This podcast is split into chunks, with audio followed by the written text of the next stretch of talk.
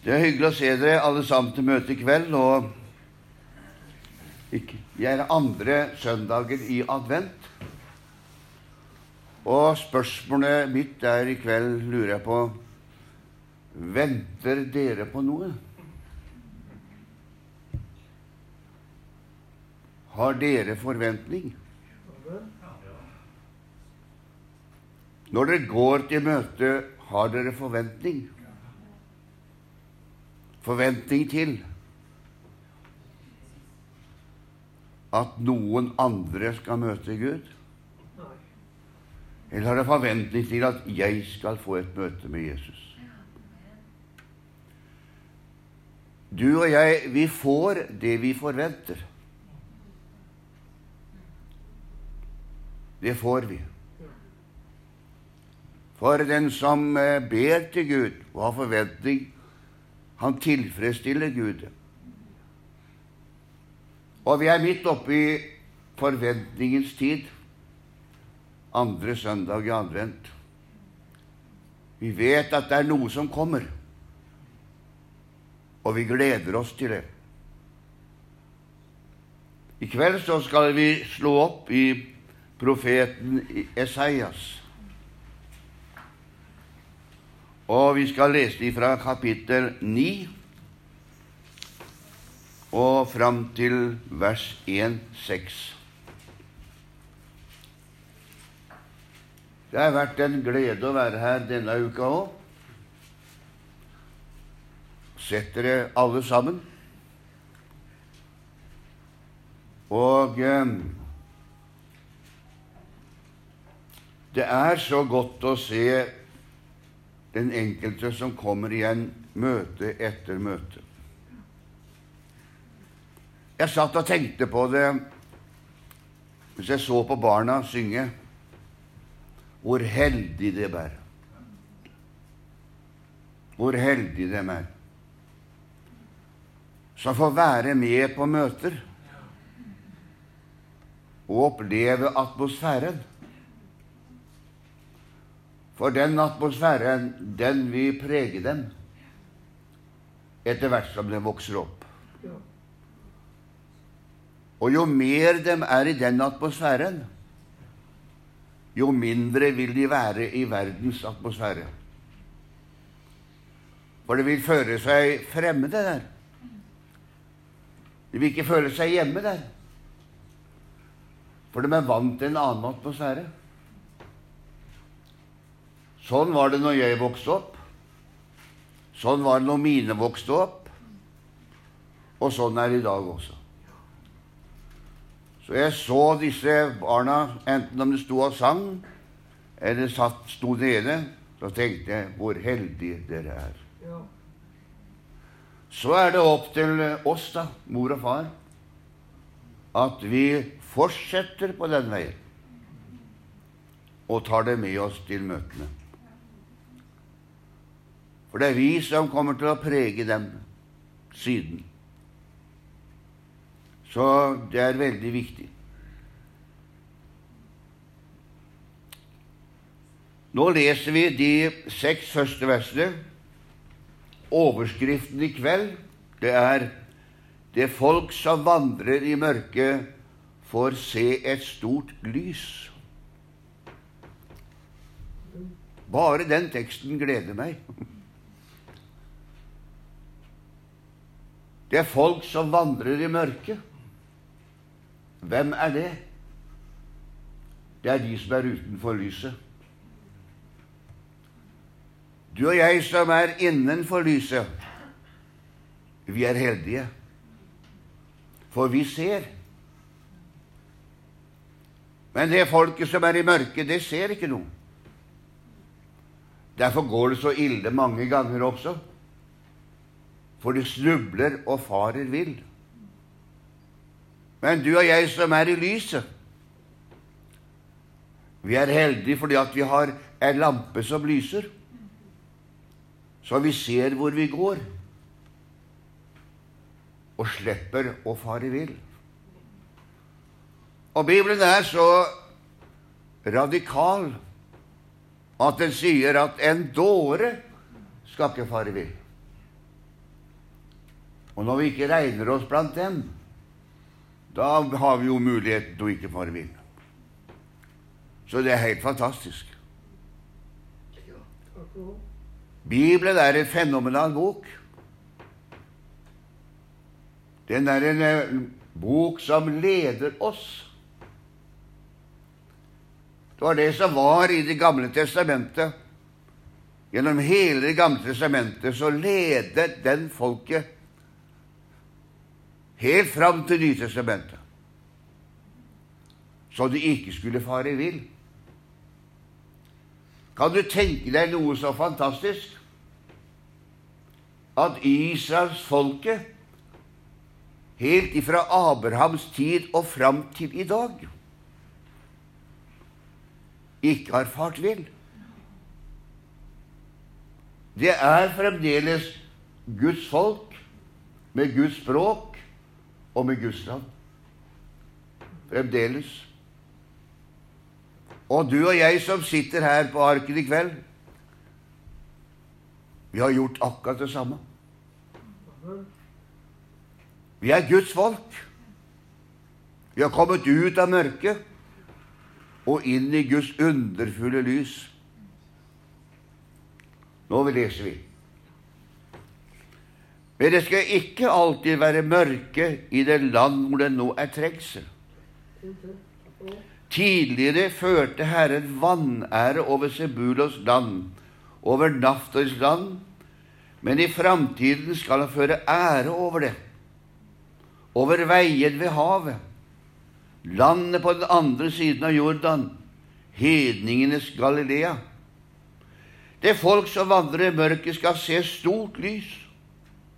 De som sitter i dødsskyggens land, over dem skal lyset stråle. Det folk som du før ikke gav stor glede, lar du bli tallrikt. De gleder seg for ditt åsyn, slik en gleder seg om høsten, slik en jubler når det deler hærfang. For åket som tynget dem, og stokken på deres skulder, driver en stav, har du brutt i stykker som på Midians dag. For hver krigssko som er båret i slagtumlen, og hver klesplagg som er tilsølt med blod, skal brennes opp, bli til føde for ilden. For et barn er oss født, og en sønn er oss gitt, og herredømmet er på hans skulder. Og hans navn skal kalles under, rådgiver, veldig Gud, evig Far og fredssyster. Amen. Profeten Esaias, eller Jesajas som det heter i dag, da. Det betyr at det, frelsen er av Herren. Det er Herren som har frelst oss. Halleluja. Og det er ingen profet i Det gamle testamentet som har blitt nevnt så ofte som denne profeten. Han er kalt for evangelisten blant profetene i Bibelen. Og det som kjennetegner profeten, det er at det gjennom hele boka hans er det lammet som er fremtredende. Lammet. For lammet har alltid fulgt Guds åpenbarelse. Døperen Johannes, han ser Jesus. Men han ser noe mer enn Jesus. Han ser lammet. Og Derfor kan han si det der han står ved Jordanselven. Der peker han på denne personen Jesus. Og så sier han, Se der Guds lam, som bærer verdens synd. Har du sett han som syndebæreren din? Jo mer du ser han som din syndebærer, jo mer begeistret blir du. Og blir du begeistret for Jesus, vil du gjerne være der hvor han er. Da vil du være i nærheten av Han. Og så har du lyst til å gjøre noe for Han, så andre mennesker kan få lov til å se det samme. Ordspråket sier om den kristne at den rettferdighets sti, sier han, den er som et strålende lys. Det er lyskaster, altså. Det er ikke en svak, lita lampe. Det er en lyskaster som blir klarere og klarere inntil høylysdag. Det betyr at vi ser mer for hver dag. Vi er sammen med Jesus. Er ikke underbart? Det er det som gleder oss. Det som gleder meg, sier sangeren, det er Jesus. Det er det som gleder oss. Alt annet formørknes i nærheten av Jesus. Jesus er det skjønneste navn og den viktigste versjonen i ditt liv. Er han det?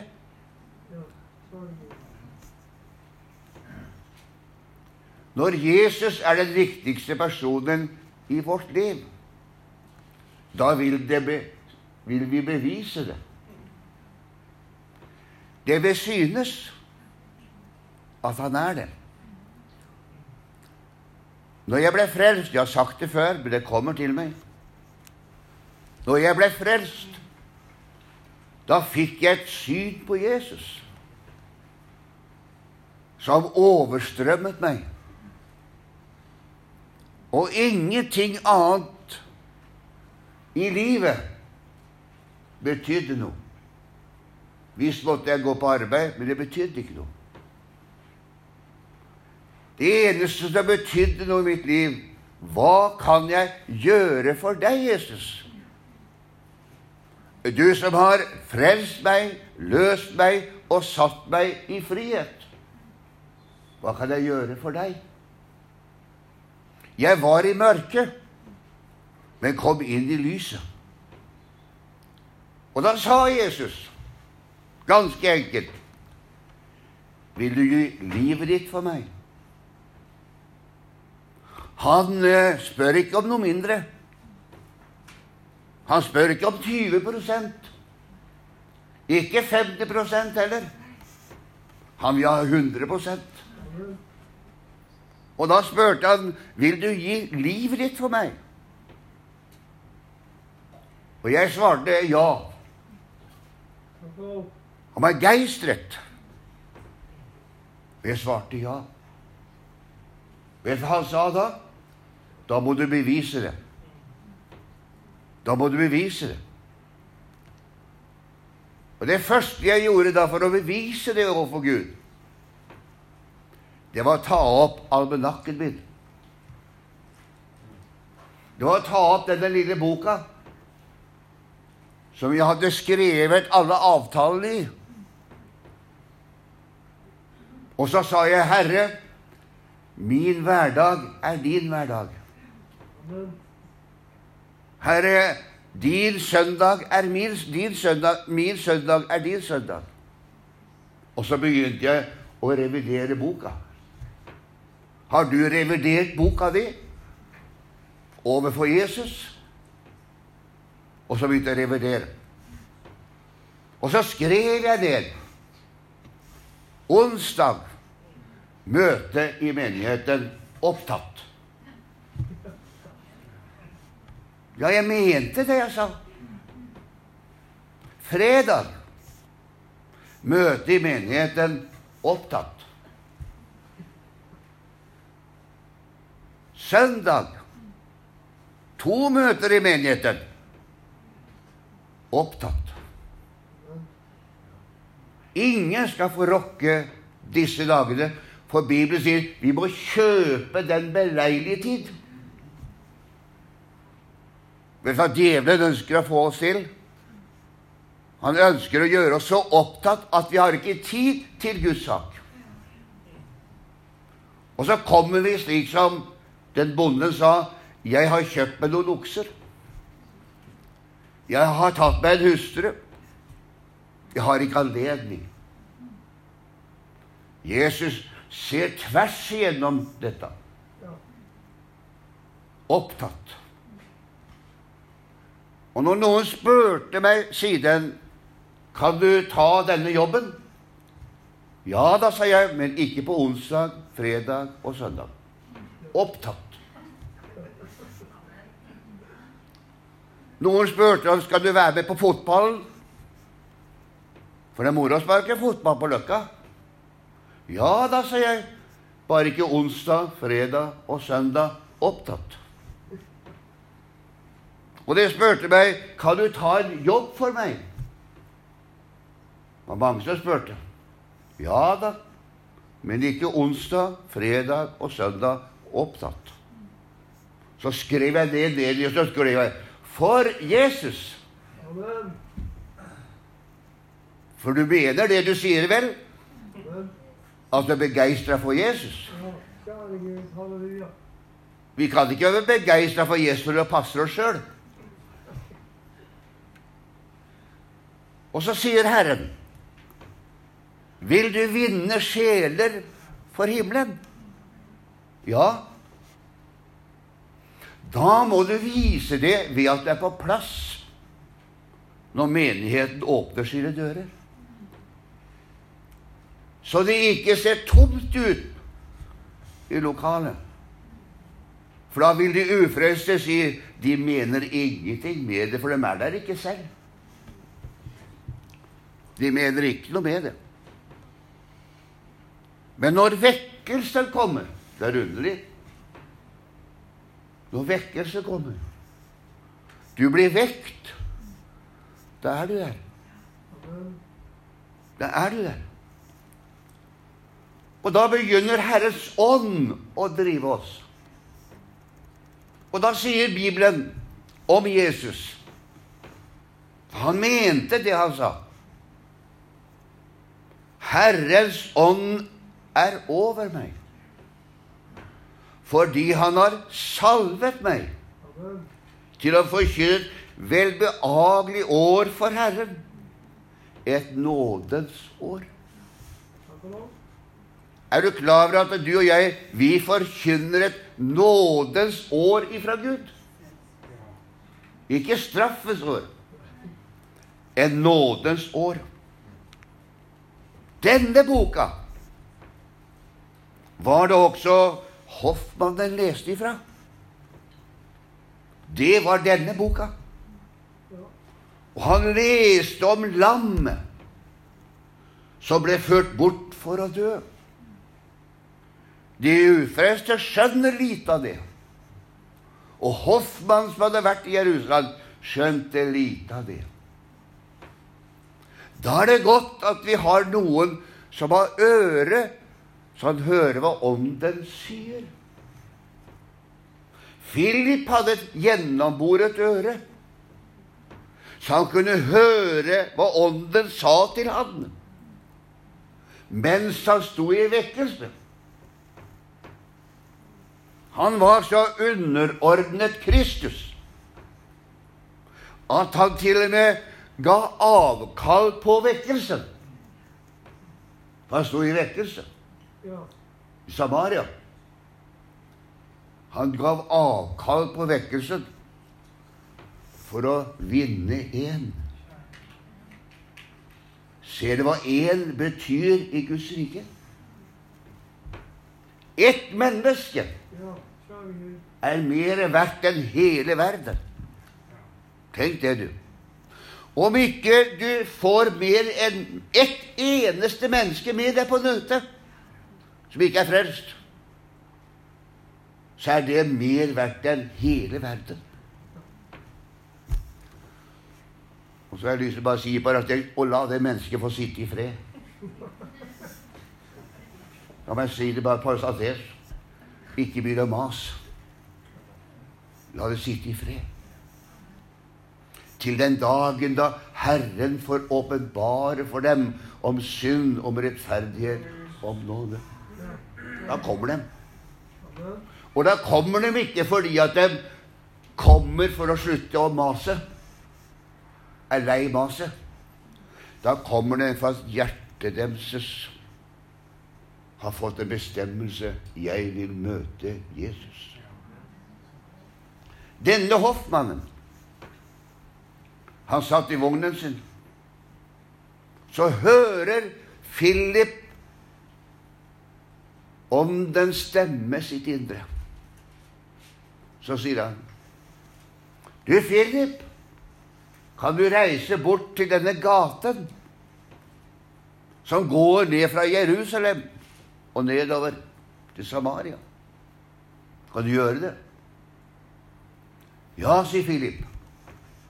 Så reiser han ifra vekkelsen. Så reiste han dit, og så holdt han seg nær til vogna. Og så hørte han hoffmannen lese. Og så spør Philip, forstår du det du leser? Nei. Altså, kom opp og hjelp meg, da. Og resultatet, det vet du. Hoffmannen ble frelst, døpt i vann og reiste videre med glede. Ja. Lam har alltid stått som en stedfortredende død for Gud. Kallet til tjeneste ble så levende for profeten Esaias og førte han inn på en sønderknuselsesvei. Sønderknuselsesvei. Det brakte han til en erkjennelse av Guds nåde og Guds barmhjertighet. Hvorfor? Han fikk se. Han fikk se seg selv i lys av Guds ord, for han kom inn i lyset. Han var i mørket, men kom inn i lyset.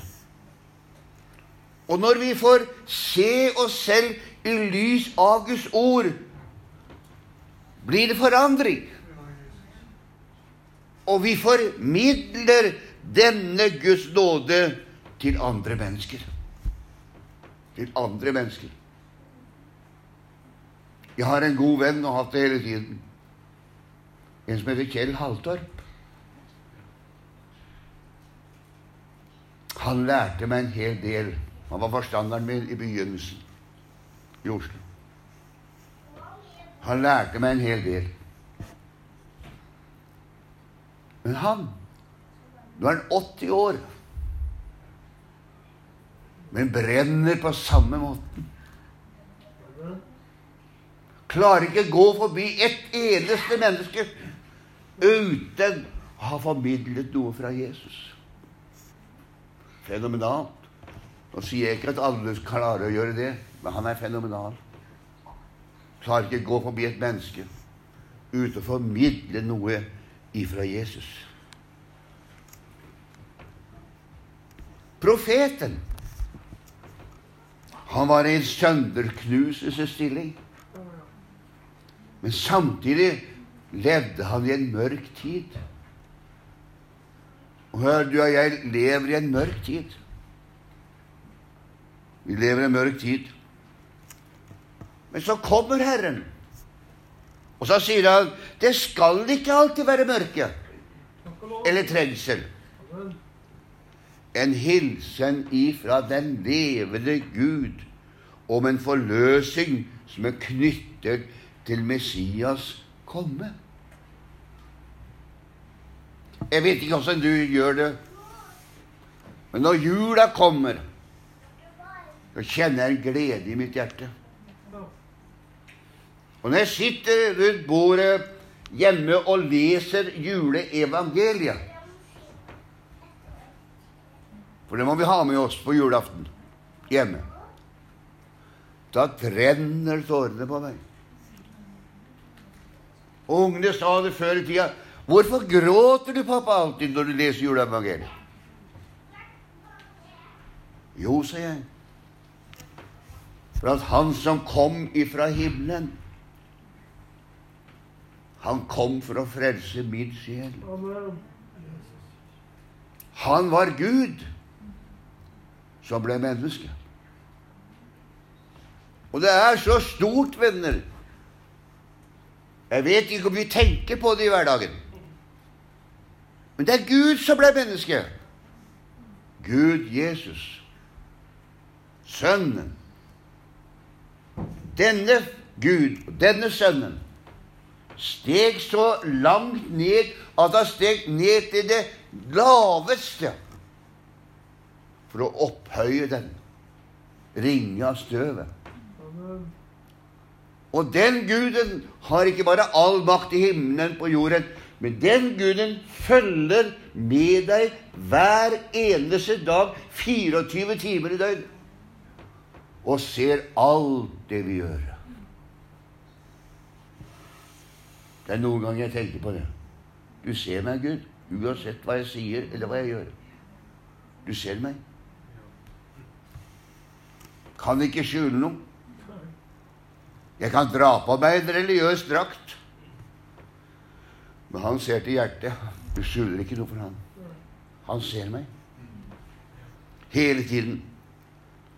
Og slik som han er i lyset, skal vi få lov til å vandre i lyset sammen med han.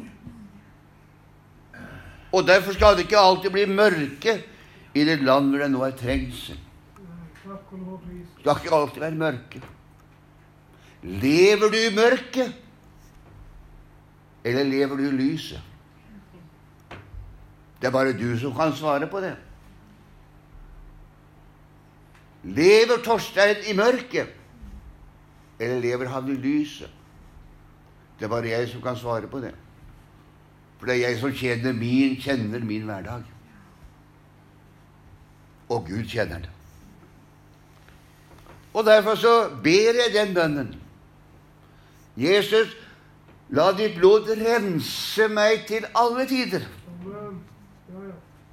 Og la det være en renselseskilde. Både for livet mitt, leppene mine, tunga mi og tankene mine. La det være under lyset, så det tåler dagslyset til Gud. Det er det som er fantastisk her. Så kommer denne hilsen. Og grunnen til den hilsen ligger i vers 6. Er grunnen. Det er et barn som er født. Barn er født. Har du møtt dette barnet? Amen. Profet Simon møtte dette barnet. Gamle Anna møtte dette barnet. Mange andre møtte dette barnet. Men møter du dette barnet som det han er? Vær inne i andakt, advent. De venter på barnet. De feirer barnet. I bygd og byer. De feirer barnet. Men feirer de barnet som han er? Det er alltid glede når det kommer et barn til jorden. Det er et nytt liv som kommer inn i verden. Men det er bare ett eneste barn som har kommet inn i verden, som virkelig kan gi oss nytt liv. Og det er Jesus. Så om du ser han ved juletider, da er det herlig. Pakkene ligger under juletreet. Og Ungene går rundt omkring og rister og Er det ikke moro? Å, jeg syns det er moro. Det er spennende. Får jeg det jeg har lyst på? Ønsker meg? Noen ganger så blir smilet der, og noen ganger så henger vi med lippa. Fikk ikke det jeg hadde lyst på. Ja. Men én presang så vil du bli minnet om hver jord som du fikk. Det er en presang som ikke du alltid hadde lyst på, men som er nødvendig for deg for å leve videre. Og det er Jesus. Det er Jesus. Dette barnet så profeten. Ser du han? Og så sier han, for å være sikker på at vi skjønner hvem det er, så sier han at ikke er datter er oss født. Den prøver på det nå, å gjøre Jesus om til en kvinne. Det er det en prøver på mange ganger nå. Han kan like være en kvinne som en mann, sier det. Men eh, Bib Gud tar aldri feil av kjønn. For han har jo skapt dem. Ja da. Vi kan jo kludre med dette, men Gud kludrer aldri med dette. Han har skapt det til mann og kvinne. Så Derfor sier han en sønn er oss gitt.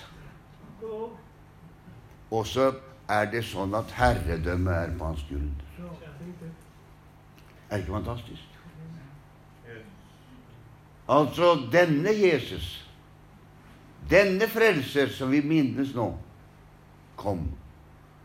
Han har et herredømme som hviler på hans skulder. Og det herredømmet er ikke Norge. Det er bare innblandet. Herredømmet er himmelen og jorden og under jorden. Halleluja. Fantastisk. Han har makt over makter og myndigheter. Han har makt over hele jorden. Derfor, hør, min venn. Når du overgir deg helt til ham, så har han makt til å løse alle dine problemer. Fantastisk. Alle dine problemer har han makt til å løse. Jeg har sett det i virkelighet mange ganger. Hvor han løser mennesker ut av en annen makt som har makt over dem. Han har løst dem ut, satt dem i frihet. Det som var umulig for mennesker, er mulig for Gud. Så la meg, om du ikke husker mer av denne prekenen, men husk i jula, så husk bare lille at Gud har makt Amen. til å hjelpe deg Ja. I det du står overfor. Han har makt til det. Om han kommer i dag eller i morgen Han kommer. Han kommer, og han har makt til det.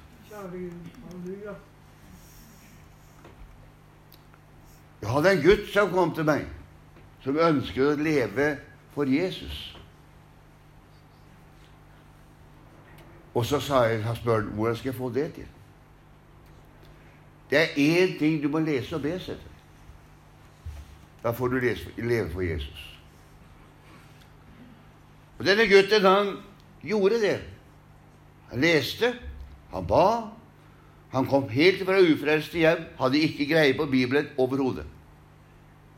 Men leste og ba. Så begynte Ånden å åpenbare for ham. Så begynte Ånden å se du må døpe deg. Du må døpe deg. Du må begraves med Kristus. Og så gjorde han det. Han fulgte boka.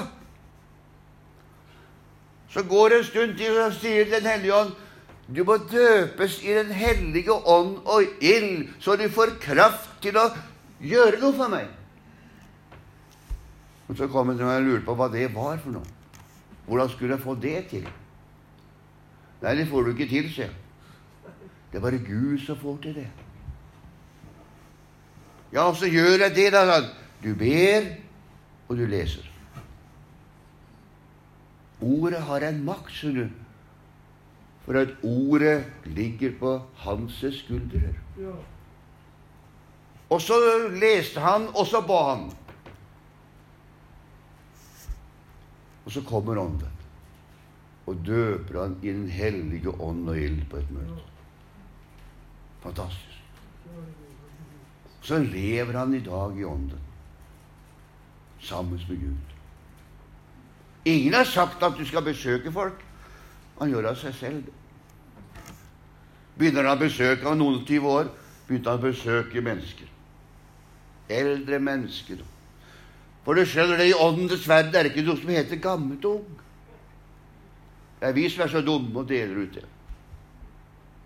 Den ånd som bor i oss, er like ånd, ung i et gammelt menneske som et ungt menneske.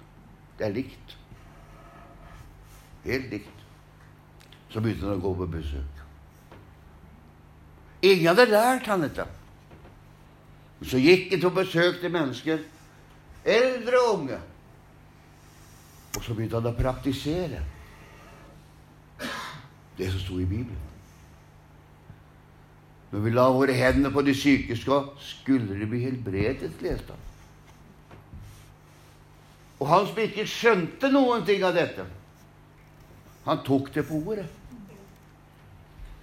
Og så reiste han rundt og snakka med eldre folk og andre mennesker, og så sa de jeg har så vondt i bein, jeg har så vondt i hodet, jeg har så vondt i ditt jeg har så vondt i... Ja, men da kan vi be til Jesus, da, sa han, for det står i Bibelen, sa han. Han hadde et barnslig tillit til Gud. Ja, Gud. Og så reiste han rundt omkring, og så gjorde han det. Og mennesket ble helbredet. Der hvor han gikk fram, ble de helbredet. Og så sier han til meg en gang Torstein, det er så rart, sa han. For når vi, når vi ber, så ja, kommer Gud og helbreder dem sånn. Er det riktig, det sånn som det blir? Ja, da, så jeg bare fortsetter med det. Han hadde ikke noen andre tankeganger enn det som sto i Bibelen. Han trodde det som sto. Og så gjorde han det. Og så spurte han kan jeg gjøre sånt, da, sa. Er det ikke dere som må gjøre sånt, til meg. Og langt derifra, sa. Det står ikke noe sånt i Bibelen. sånn. Nei da. Du kan salve og be til Gud for mennesker. Og så må du ikke kaste troen over på dem. For det er du som skal tro for at de skal bli helbredet. Ikke dem. Og så reiser han rundt og gjør det fremdeles. Reiser rundt. Og mennesket blir både frelst og fornyet på denne måten. For han har med seg en som kalles under. Unders Gud. Unders tid er ikke forbi. Nei, undrets tid der er den. Den er det. Han kalles under rådgiver. Veldig Gud, evig Far og fredsfyrste. Kan du få en bedre venn å ha med deg inn i lyset? Derfor er Gud den samme i dag som han var før. Derfor kan vi få lov til å leve i den samme forventning i dag som de gjorde før. Men vi venter ikke på at han skal komme som barn. Vi venter på at han skal komme som Hva skal han komme som? Frelser. Nei, jeg, jeg vil ikke ha han som konge. Nei, det er for dårlig. Jeg vil ha han som brudgom. For da kommer han før den store trengselstiden og elendigheten på jord for å løfte brura ut av elendighet og inn i himmelen. Og så gifter han seg med henne. Så skal vi være med ned igjen på jorda og møte Israelsfolket. Da kommer han som konge. for å rydde opp. Da vil ikke jeg være her. Da vil jeg være der. Halleluja. Da vil jeg bli med og rydde opp. Det blir Herre Jim når vi skal rydde litt opp i elendigheta. Å, det blir herlig. Sette alle nasjoner på plass. Sette folkeslaget på plass. Ja, det blir herlig. Stå ved siden av min mann, som er konge, og da er jeg blitt dronning, og herske sammen med han i tusen år. Det blir noe, det. Vil du være med? Da må du overgi deg til Han fullt og helt nå, så han kan stole på deg. At det du sier, er en virkelighet. For når jeg kan stole på deg, kan jeg sette deg over meget i himmelen. Å, må Gud velsigne dere. Det er advent. Det er forventning. Han kommer. Og han kommer meget snart. Amen.